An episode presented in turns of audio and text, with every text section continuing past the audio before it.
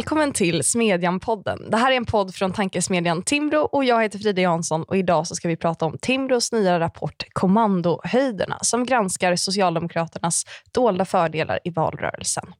Om ni vill så får ni gärna betygsätta podden i Podcaster och iTunes för att hjälpa fler att hitta hit. Och tips får ni gärna skicka till smedjan.timbro.se och vi finns som alla andra även på sociala medier.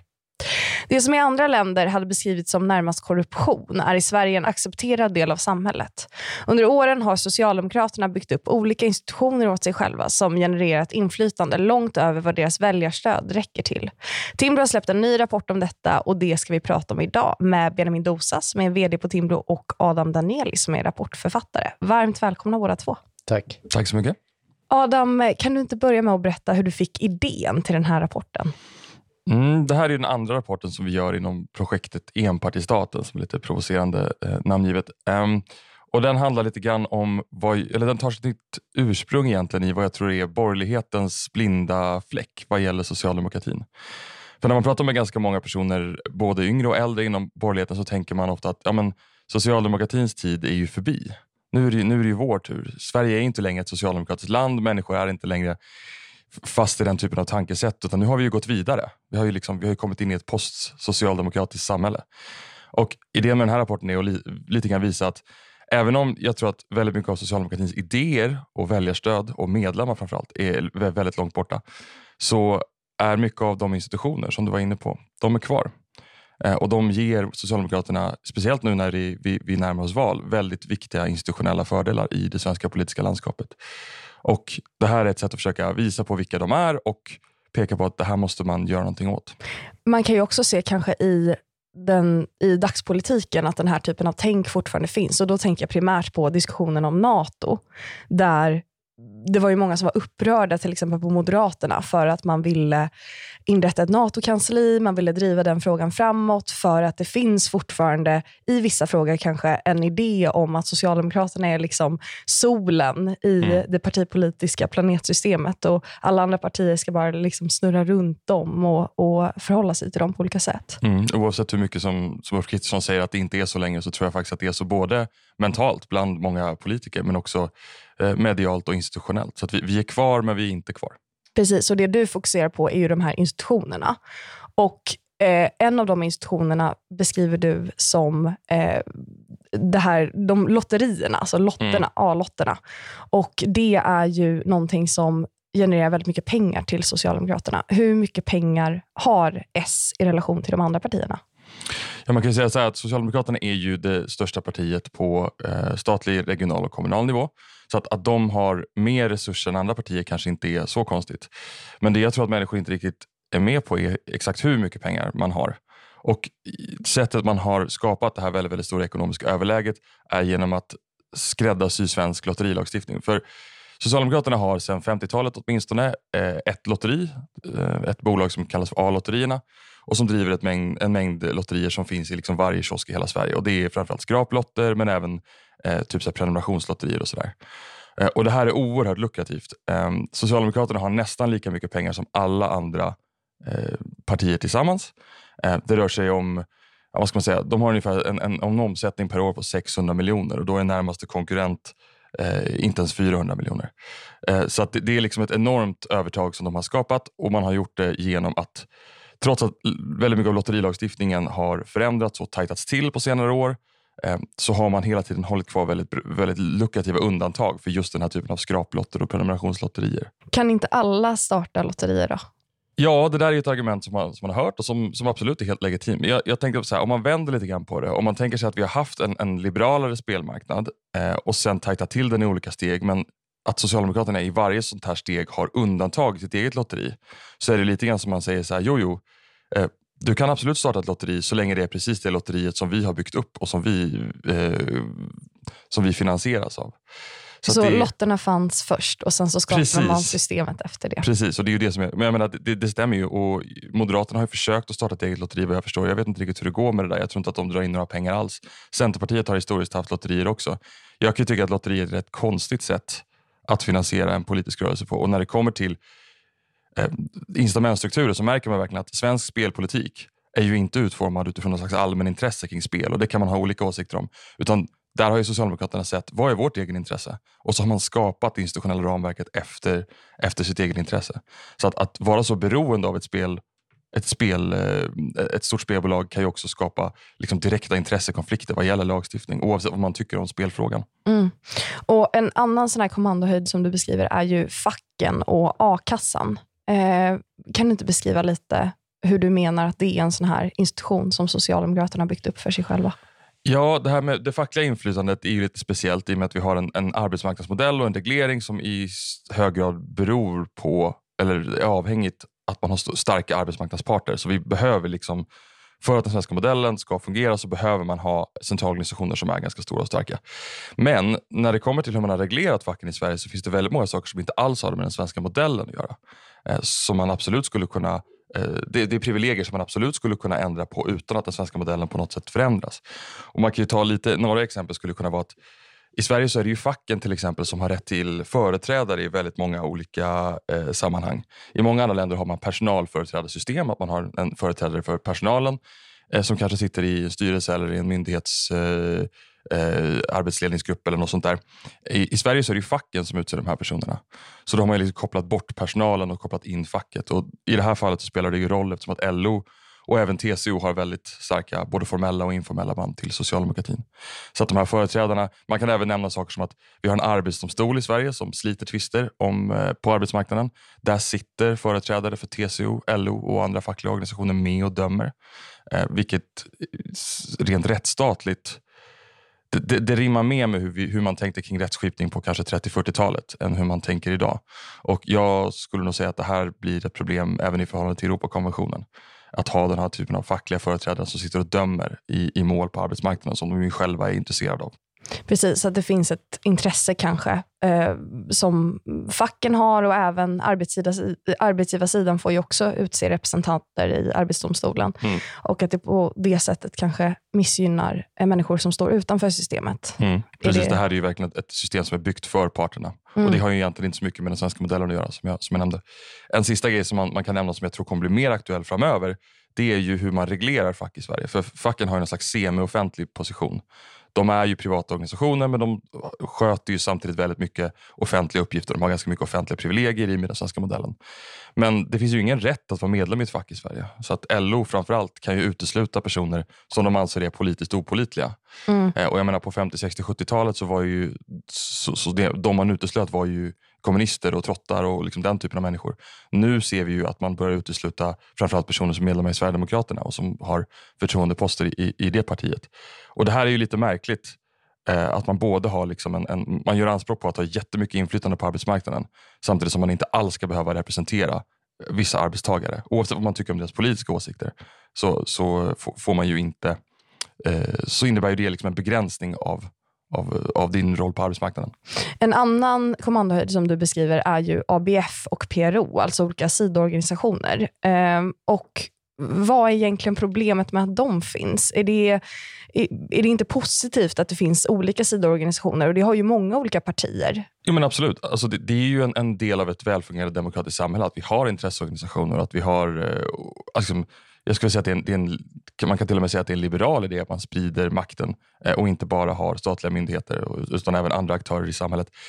Men problemet är ju att ABF och PRO som är socialdemokratiska organisationer båda två. Eh, ABF är arbetarrörelsens kan man säga paraplyorgan.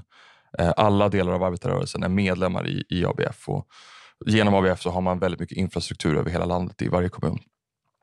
Problemet är att det här är ju inte privata organisationer, för då hade det inte varit något problem. Eh, ABF är ju helt och hållet offentligt finansierat. Så att här har man liksom byggt ihop sitt eget parti och staten och så har man fått staten att betala för väldigt mycket av, av sin partiverksamhet bakvägen genom att utforma då systemet. När det kommer till PRO så är, eh, så är relationen till Socialdemokraterna lite mer informell. Eh, I princip alla som har varit engagerade och lett PRO eh, har haft socialdemokratisk bakgrund. Och i, i väldigt mycket av lagstiftningsarbetet till exempel i Sverige så får ju PRO ofta tala för alla, eh, alla pensionärer. Eh, och då får man ju också den här inflytandet bakvägen som inte har med hur man röstar utan som har med vem som sitter med och faktiskt skapar policy när det, när, i ett skarpt läge. Eh, Benjamin Adam säger att man har byggt ihop partiet med staten eller det offentliga. Och Då undrar jag, är det en slump att det är just Socialdemokraterna som har gjort det här? Och så har jag skrivit skratt i mitt manus. Vad säger du om det? Är det en slump? Nej, definitivt inte. Socialdemokraterna har ju styrt Sverige 75 av de senaste 100 åren och har ju växt samman. Och det är ju i Adams första rapport, enpartistaten, visar han ju väldigt tydligt, jag misstänker att vi kommer in på det sen, men hur man använder utnämningsmakten också och utser sina egna kompisar till viktiga statliga opolitiska funktioner. Jag skulle bara vilja gå tillbaka till först och främst lotterierna. För Frida, du frågade ju, kan inte vem som helst driva lotteri? Och det får inte vem som helst göra. Till exempel Unibet, Betsson som är stora på mm, andra typer av spel, de får alltså inte starta A-lotterna. Eh, utan du får inte vara vinstdrivande. Vanliga företag, om vi skulle bestämma oss för att starta ett lotteri och tjäna pengar på det, så får inte vi göra det. Så man har liksom riggat många av de här systemen. Marknadsföring, ett annat sånt konkret lagstiftning, där Ardalan Shekarabi har gått väldigt hårt mot olika spelbolag. Men såklart omfattas inte Socialdemokraternas egna lotterier av det här. Eh, kreditgivning, alltså att man får spela på, på lån. Det får man ju, om du ska spela på fotboll till exempel så får inte du göra det på lånade pengar. Eh, Unibet kan inte samtidigt så här, låna 5 000 spänn för att spela på Manchester United. Det är olagligt, men det får man göra. Och Det var ju en stor skandal för några år sedan när Socialdemokraterna satte fattiga pensionärer hos Kronofogden. Ett annat sånt här, det är ju insynen är ju obefintlig, vilket jag skulle säga är ett av de största problemen med det här, förutom det orättvisa att alla inte, jag menar vi tror ju på äganderätt. Det är klart att sossarna ska få äga och driva ett lotteri, men det borde alla få göra. Men jag skulle säga att ett av de största problemen utifrån ett liksom, demokratiskt perspektiv är ju det som kallas kundkännedomskrav. Och vad betyder det? Jo, det betyder att andra typer av företag måste hålla koll på vilka kunderna är så att, inte, så att man inte kan tvätta pengar genom den här verksamheten. Och svensk lagstiftning vad gäller partifinansiering är rätt hård i övrigt. Alltså att alla belopp, alla donationer till ett parti som överstiger 0,05 procent av ett prisbasbelopp, vilket är ungefär 2 000 kronor, måste redovisas. Och det är ju för att Frida här som driver ett rederi och är mångmiljardär så att du inte ska kunna köpa ett parti och, och, och liksom tvinga dem att driva rederifrågor. om du gör det så ska man åtminstone se att Frida har gjort det. Eh, men den typen av krav finns inte på det här lotteriet. Så du skulle teoretiskt kunna köpa eh, A-lotter för 10 miljarder per år, eh, pumpa in pengar i Socialdemokraterna, säga så här, men för mina 10 miljarder vill jag att Socialdemokraterna driver den här typen av politik och ingen kan se det här. Så det skulle jag säga är några av de största problemen, förutom då att man får enormt mycket mer pengar. Man brukar säga att Centerpartiet är, ett av, eller är Sveriges rikaste parti. Det stämmer i eget kapital, men det kommer ju ta 10, 12, 14 år innan Socialdemokraterna i eget kapital har gått om Centerpartiet. Så att det är ju enorma summor. Mm. Samma sak med facket som vi var inne på. Eh, alltså Socialdemokraterna får ju direkta monetära stöd från LO men också av andra underfack. Eh, dessutom så, det vi inte har granskat är ju all den tid de lägger på Socialdemokraterna. Om man tar det partiet som ska ha näst flest eh, dörrknackningssamtal och telefonsamtal så är det Moderaterna. De har som mål att knacka 400 000 dörrar. Socialdemokraterna ska knacka 1,4 miljoner dörrar. Hur kommer det sig? Hur har de sån kapacitet? Jo, det är ju för att kommunaltjänstemän kan göra det på arbetstid. Och Den typen av partifinansiering granskas ju inte i den här rapporten, men det är ju också mång, mång miljonbelopp det handlar om. Och just det här med transparensen går ju som en röd tråd genom både eh, kommandohöjderna men också enpartistaten. Mm. Alltså att det inte finns någon möjlighet att granska till exempel då hur de här eh, utnämningarna har skett. Eh, jag tänker att vi ska prata lite om enpartistaten. Det är ju en rapport som du också har skrivit Adam, som mm. handlar om utnämningsmakten. Eh, och Den berör du ju också i den här rapporten. Eh, på vilket sätt fungerar utnämningsmakten i Sverige? Ja, vi nämnde lite grann tidigare om hur Socialdemokraterna har växt ihop med staten och det finns nog inget bättre exempel på det här än hur man behandlar utnämningsmakten. Och det här är ju eh, vad ska man säga, det, det, är ju ett samlingsbegrepp för makten som regeringen har att utnämna politiska, opolitiska tjänstemän i underlydande myndigheter. Så att framförallt generaldirektörer men även ambassadörer och domare och sådär. Och vem som styr en myndighet i, i Sverige är ju oerhört viktigt i och med att vi har fristående myndigheter. Regeringen kan inte gå in och säga Eh, styra och ställa hur som helst när det kommer till underlydande myndigheter. Utan det är ju myndighetschefen som i väldigt hög grad bestämmer hur, hur ska det gå med Arbetsförmedlingen och Försäkringskassan och sådär. Och det visar sig när man tittar på vilka regeringen faktiskt utnämner att det i väldigt hög grad är personer med politisk bakgrund och att man har satt väldigt många personer med socialdemokratisk bakgrund som chefer, opolitiska chefer då givetvis, Ehm, för stora viktiga myndigheter. Och Det här är ju ett sätt att få genomslag för sin politik, att även byråkratin ska vara socialdemokratisk. Eh, och Det här består ju oavsett hur det går i riksdagsvalet för att de här personerna är ju utnämnda på, på långa mandatperioder.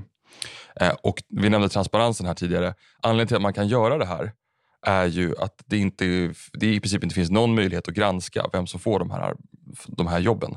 Eh, det poppar upp ett pressmeddelande och så säger man att nu har tidigare statssekreteraren eh, för en socialdemokratisk minister blivit chef för, jag säger Försäkringskassan. Eh, men vi vet inte vilka som har sökt. Vi vet inte ens om, man behöver inte ens annonsera ut de här tjänsterna utan man plockar helt enkelt någon som man känner och oftast blir det ju en person inom partiet. Och jag tror att så här, Socialdemokraterna har nog blivit blinda inför det här. Jag tror inte ens att de ser det här som ett problem längre. För att Man ser bara att man har massa då personer som man själv anser är kompetenta inom partiet och så ger man dem ett, ett jobb och så tänker man att ja, men de är ju kunniga när det kommer till offentlig förvaltning. Eh, och Det här är ju ett jättestort problem. Och jag, det som, den slutsatsen som jag drog i, den tidigare rapporten är att det här uppfyller ju inte FNs korruptionskonvention. Och när vi pratar om korruption och, och den typen av, av instrument som de här konventionerna eh, sådana konventioner handlar om, då är det framförallt liksom svaga stater som håller på att bygga upp en byråkrati med, där allmänheten ska ha förtroende för statliga institutioner. Det här har ju aldrig varit tänkt att liksom, eh, ens vara en fråga i Sverige. Man förutsätter ju att vi här så uppfyller vi grundläggande eh, korruptionskrav. Och det gör vi inte när det kommer till just den här, eh, den här utnämningsmakten. När Sverige ratificerade den här konventionen så skrev regeringen, eh, dåvarande regeringen Persson att eh, ja, men det här är ju, i Sverige så är det så transparent. Vi har ju offentlighetsprincipen och det finns ju massa regler om hur, hur man måste annonsera när man ska söka en ny handläggare till Arbetsförmedlingen och sådär. Det är ju väldigt transparent. Och så sa väldigt många remissinstanser, men eh, chefen för myndigheten då? Den viktigaste personen? Den behöver man inte annonsera ut. Och så sa regeringen, nej men det bryr vi oss inte om och så sa man att vi ratificerar den här konventionen. Eh, det här är liksom ett beteende som, som går igen Eh, i, när det kommer till Socialdemokraternas syn på makt. Att det är liksom, man är väldigt nöjda med en massa strukturer som man själva har satt olika typer av undantag i. För att, där man kan gynna sin egna. Och Om man tänker på den beskrivningen då, att Socialdemokraterna har så att säga smält ihop med det offentliga livet, med staten i Sverige. Eh, varför är det ett problem från ett borgerligt perspektiv, Benjamin? Nej, men det är ett jättestort problem. Om man tittar på de siffrorna som Adam visade på i enpartistaten så är det att av de myndigheter som har fått en socialdemokratisk chef, eh, eller av de, av de myndigheter som har fått en ex-politiker som chef, eh, så har ungefär hälften gått till socialdemokrater. Det låter högt, men kanske inte så, så jättehögt. Men det är alltså skillnad att vara generaldirektör för myndigheten Nämnden för hemslöjdsfrågor och att vara generaldirektör för Försäkringskassan till exempel. Eh, och så tar man hänsyn till hur stora de här myndigheterna, hur många anställda de har, så har alltså 90 procent av alla anställda i offentliga Sverige som har fått en politisk chef fått en socialdemokrat. Så det är ju enormt. Och givet det Adam sa, att myndigheter i Sverige har väldigt mycket att säga till om och stor makt, så är det här jätteallvarligt. Och jag menar, tar man skräckexemplet måste nog vara Sida. Alltså Sveriges biståndsmyndighet med mångmiljardbelopp i egen budget, stor påverkan på andra länder. Eh, där avgick den förra generaldirektören och Posten lämnades vakant i flera månader. Det var över vad var det, 20 personer som sökte tjänsten. Ja, 30 personer. Ja, 30 personer, kvalificerade mm. personer som sökte den. Ändå lämnade man den vakant i flera månader. Eh, och sen, vops, så var Socialdemokraternas partisekreterare utsedd till till generaldirektör för Sida. Alltså Karin Jämtin. Exakt. Mm. Eh, och det är, ju, det är ju så de använder det här. Det, de ser det som en del av sin egen arm, som den socialdemokratiska armen som de kan göra lite som de vill med. Mm. Vi, vi pratar ju, den här rapporten handlar ganska mycket om hur man ska kunna den senare rapporten handlar om hur man ska kunna eh, jämna ut spelplanen. Jag vill bara betona att det handlar ju inte om och det, för det, det, är många som tänker när man pekar på att ah, det finns en jättestor socialdemokratisk slagsida. Det handlar ju inte om att vi ska göra på samma sätt. Det handlar ju inte om att, att borgerligheten på något sätt ska, ska stacka myndigheterna med en massa egna personer. Utan det handlar om att jämna ut den här spelplanen och att få bort de här institutionerna som är institutionellt gynnade. Eh, och i när det kommer till utnämningsmakten så finns det ju väldigt mycket man kan göra som jag tror att man, kan, man borde kunna hitta en bred samsyn eh, kring för att få till ett bättre, eh, en bättre utnämningsmakt som, som allmänheten också kan ha mycket större förtroende till. Men när det kommer till så, spelbolagen, det är ju inte som att vi ska börja ta bort liksom, privilegierna som finns för spelbolag och så helt plötsligt börja slänga ut en massa privilegier för Centerpartiets eh, lantbruksorganisationer eller Sverigedemokraternas sidoorganisationer eller något sånt där. Utan det handlar om att få bort klippa banden mellan partier och staten. Precis, det är ett demokratiskt problem att mm. man nyttjar utnämningsmakten på det här sättet när vi i vår grundlag har bestämt att det ska gå efter eh, vad är det? Tjänst, förtjänst och skicklighet. Precis, sakliga ja. grunder såsom Precis. förtjänst och skicklighet. Och ett motargument som jag har sett mot enpartistaten framförallt, Adam, är ju, ja men vadå, Fredrik Reinfeldt och Anders Borg gjorde väl samma sak. Mm. Att man eh, stoppade upp massa myndigheter med, med moderater och, och alliansföreträdare. Och nu har inte vi granskat den perioden, men konstitutions, riksdagens konstitutionsutskott gjorde ju det och kom fram till att man har, alltså utsåg fler socialdemokrater än från Alliansen. Så mm. man mm. eh, gjorde alltså inte det som Socialdemokraterna gör. Mm. Och Det kanske har att göra med att det finns en, en, vad ska man säga, en inneboende drivkraft i socialdemokratin där man ser på det offentliga livet lite annorlunda än mm. om man är borgerlig. Just för att partiet är så stort och har så historiskt haft så stort inflytande i Sverige. Eh, jag tycker att vi ska prata om en annan sån här kommandohöjd, nämligen eh, Hyresgästföreningen. Mm. Ja, vad, på vilket sätt är det en kommandohöjd? Jag vet ja. att du också personligen har en historia med, med Hyresgästföreningen, Adam. Ja, alltså, Hyresgästföreningen är en, en oerhört intressant organisation. Jag, jag, man ska liksom inte bli konspiratorisk, men, men jag tror att Hyresgästföreningen är ju en av Sveriges kanske bästa opinionsbildare och de har ju liksom, det är ganska mycket deras förtjänst att Sverige har kanske världens sämst fungerande hyresmarknad, eller i alla fall västvärldens sämst fungerande hyresmarknad. Eh, de har liksom flyttat vad som är mitten eller en, en, naturlig utgångspunkt i frågan om hyresrätter till en plats som är helt annorlunda än vad den är i andra länder. Eh, och Hyresgästföreningen är, är, ju inte en socialdemokratisk organisation rent formellt, men den är startad av socialdemokrater och har bara haft socialdemokratiska ordföranden. Alla som sitter i styrelsen eh, idag på riksnivå är tidigare socialdemokratiska politiker. Så det finns ett väldigt, väldigt starkt samband och förebilden för Hyresgästföreningen det är ju LO där man tänkte sig att man skulle ha en, socialdemokratin skulle ha en facklig gren, en politisk gren och en bostadsgren. Och väldigt mycket av det som vi har, det som är speciellt med svensk fastighets och hyresmarknad. Alltså till exempel bostadsrättsföreningen som är ganska unik. Den, det är ett förslag som kommer just för att hyresrättsföreningen har fått genomslag i, i Socialdemokraternas politik. Men de, exakt hur man sätter hyror och så där i Sverige är ganska komplicerat och där har Hyresgästföreningen en väldigt central del. Men det som framförallt är, är intressant med Hyresgästföreningen det är hur de finansieras. För att Hyresgästföreningen finansieras ju inte av sina medlemmar. Eller visst, man, man finansieras en viss del av sina medlemmar. Men till ganska stor del så finansieras man av det som kallas för hyressättningsavgiften. Och det är en avgift som man har givits rätt i lag att ta ut från alla hyresgäster, alltså oavsett om du är medlem eller inte, för den tjänsten som man hävdar sig erbjuda att förhandla din hyra. Och hur man bestämmer hyran är ju komplicerat som sagt, men exakt vad det är för kostnader den här avgiften ska täcka är ganska oklart. Och Den här avgiften läggs på eh, varje hyreskontrakt och det är inte så himla mycket pengar egentligen. Det är 12 kronor per månad och hyreskontrakt. Men vi har väldigt många hyreskontrakt i Sverige, så att summerar man upp det här så får Hyresgästföreningen in över 200 miljoner kronor per år i en, en, en skatt helt enkelt. Ehm, som man kan använda till, till sin opinionsbildning. Och Det här är också ett sätt som man har byggt ihop liksom Socialdemokraternas man har givit, man, man har givit Hyresgästföreningen ganska stor makt att sätta hyrorna och sen har man också lyckats ge dem en, en skatt som de kan ta ut på alla hyresgäster så att man liksom aldrig ska kunna bryta det här. Eh, och, och, Det är någonting som, som eh, måste brytas. Och det, det, du nämnde Frida handlar om, om min egen kamp mot den här hyresrättsavgiften. den här är inte förenlig med Europakonventionen. Eh, den här avgiften. Det, det, är ett brott mot den, den, negativa föreningsfriheten att tvinga människor stötta en politisk organisation man inte sympatiserar med. Och Därför har man eh, efter att det här har prövats i Europadomstolen lagt in ett undantag i lagen att du ska kunna, du, du, du ska kunna bli undantagen. Eh, det är ingen som vet hur man blir undantagen från det här. Eh, så, så att jag försökte själv att bli det i och med att jag själv bor i en, en studentlägenhet.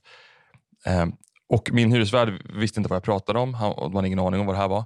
Eh, och Så gick jag till hyresnämnden och sa att jag vill få de här 12 kronorna borttagna från min, min hyra. Problemet är att hyresnämnderna är en så dåligt fungerande institution att det, det tar typ två år att få upp ett ärende. Eh, och I det här fallet så hade jag bytt bostad och då förföljer ju hela, hela min talan. Så att det är liksom omöjligt att bli av med det här. Och även om det finns den här ventilen som man verkligen har infört bara för att man ska kunna uppfylla den negativa föreningsfriheten så, så är det ju ganska tydligt att på allvar finns det ju ingen möjlighet för människor att välja bort det här. Och de här 200 miljoner kronorna som Hyresgästföreningen får varje år används ju i kampanjer. Alltså mm. kom ihåg senaste valet 2018 när man i princip satte upp affischer, knackade dörr i varje område där det finns många hyresrätter och i princip ljög om och sa att Moderaterna och Sverigedemokraterna vill höja din hyra. Mm. Eh, så att man, man använder det här på ett väldigt tydligt sätt. Vi gjorde också en demoskopmätning för ett år sedan eh, där vi ställde frågan just till eh, innehavare av hyresrätter. Vi fick över tusen svar från, från Demoskop och nio av tio känner inte till den här hyressättningsavgiften överhuvudtaget. Eh, en av fyra vill fortsätta betala den. Eh, 3 procent vet hur man slutar betala den här. Alltså 97 procent vet inte hur man gör det.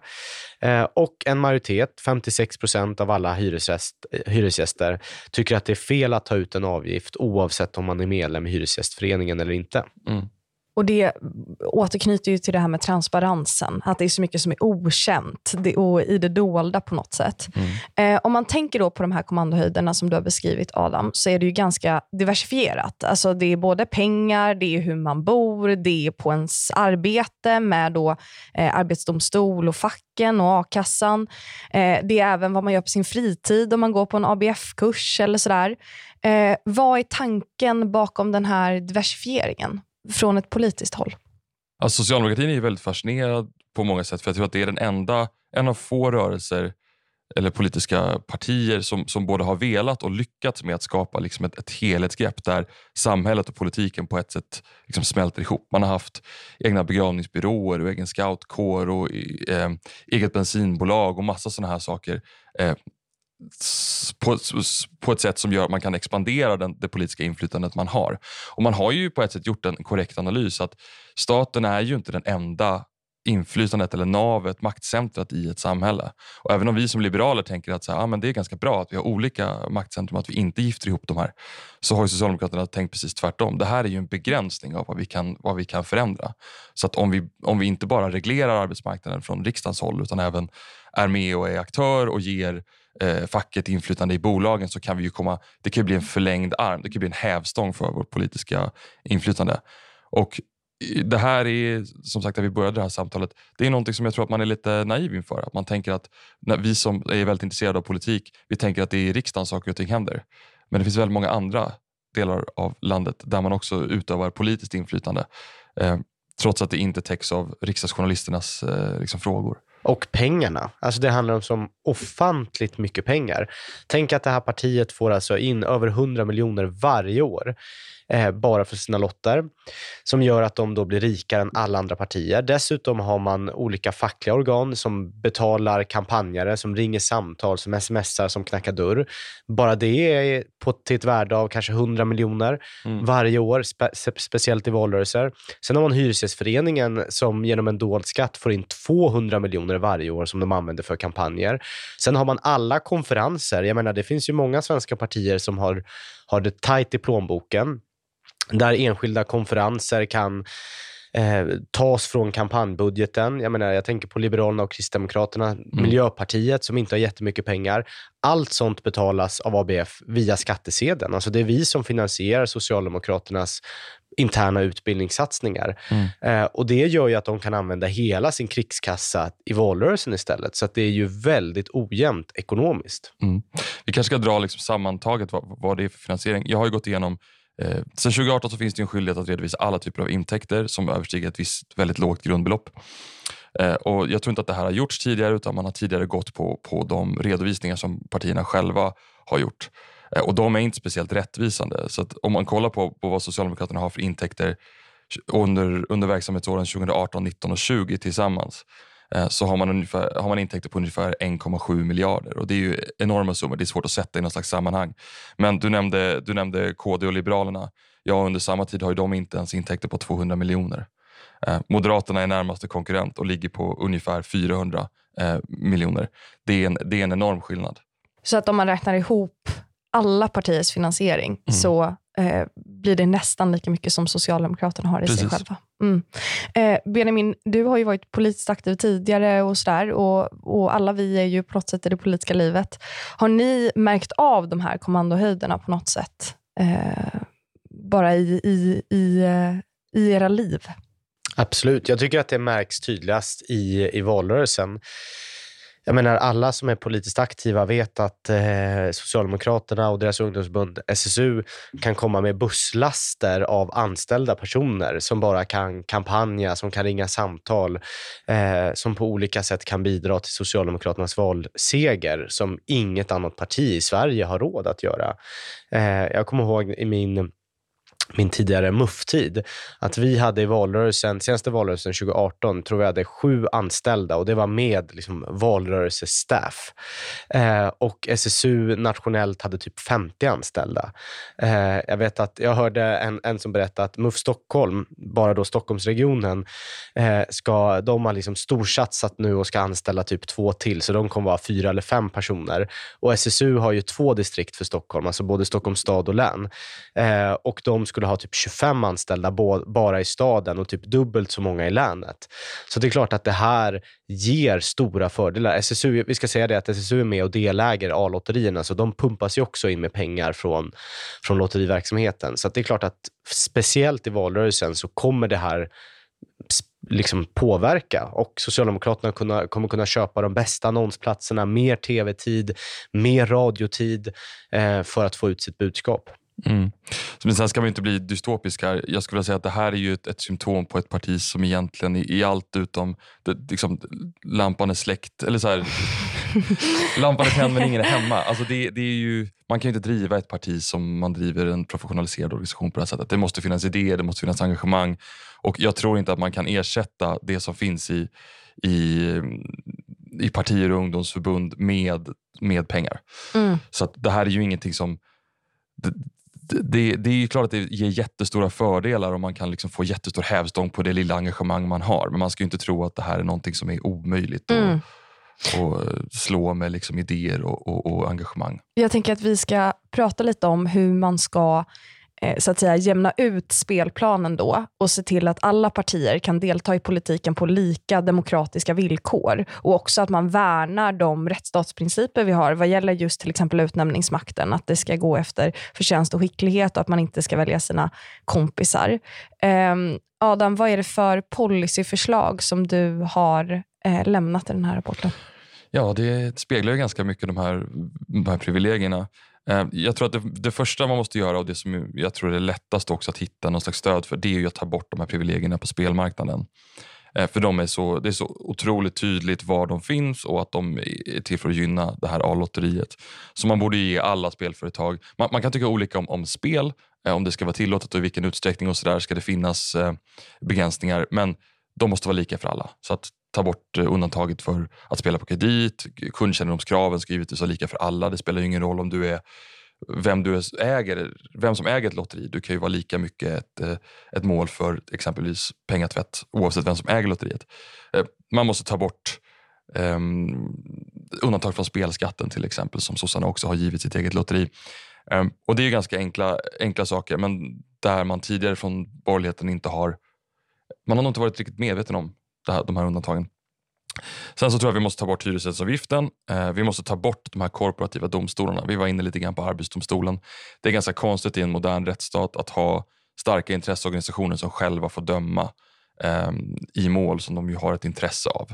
Och Det här är ju ett, ett exempel på en gammal övervintrad modell där man ska ha liksom konsensus, Harpsunds demokrati och allt det här där, där stora företag och intresseorganisationer ska kunna göra upp.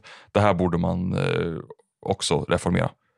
Ehm, det sista jag, som, som vi inte har nämnt så mycket, det här med folkbildning. Ehm, man måste privatisera folkbildningen. Det är väldigt märkligt.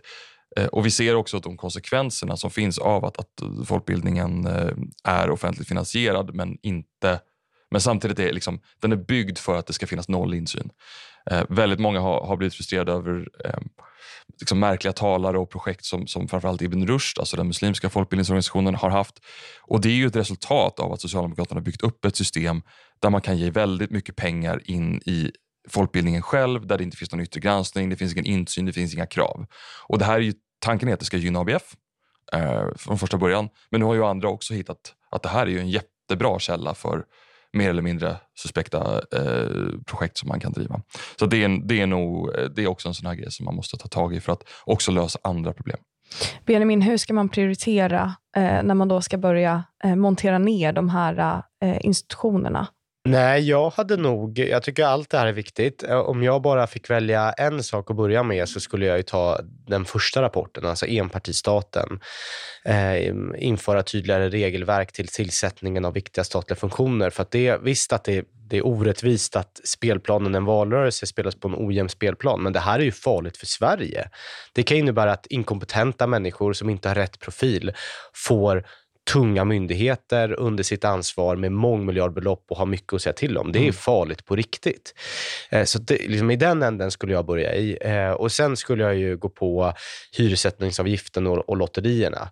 För att det är så ofantligt mycket pengar och jag menar, som liberal, jag tycker såklart att Socialdemokraterna ska fortsätta få äga och driva sitt parti och tjäna hur mycket pengar de vill på det. Men det kan inte vara så att man eh, liksom, eh, gör det olagligt för vanliga företag att få vara på den marknaden. Det kan inte vara så att just den branschen är undantagen från skatt, vilket ger dem tiotals miljoner varje år. Eh, det kan inte vara så att vi inte vet vilka som finansierar Socialdemokraterna. Vad är det som gömmer sig bakom där egentligen? Jag tänker att vi ska runda av. Jag vill tacka jättemycket för att ni kom hit, Benjamin Dosa och Adam Danieli. Och jag ska säga att den här rapporten som vi har pratat om, båda två, alltså enpartistaten och kommandohöjderna, finns på timro.se om man vill läsa dem. Och så hörs vi som vanligt nästa vecka. Tack så jättemycket för att ni kom hit. Tack. Tack.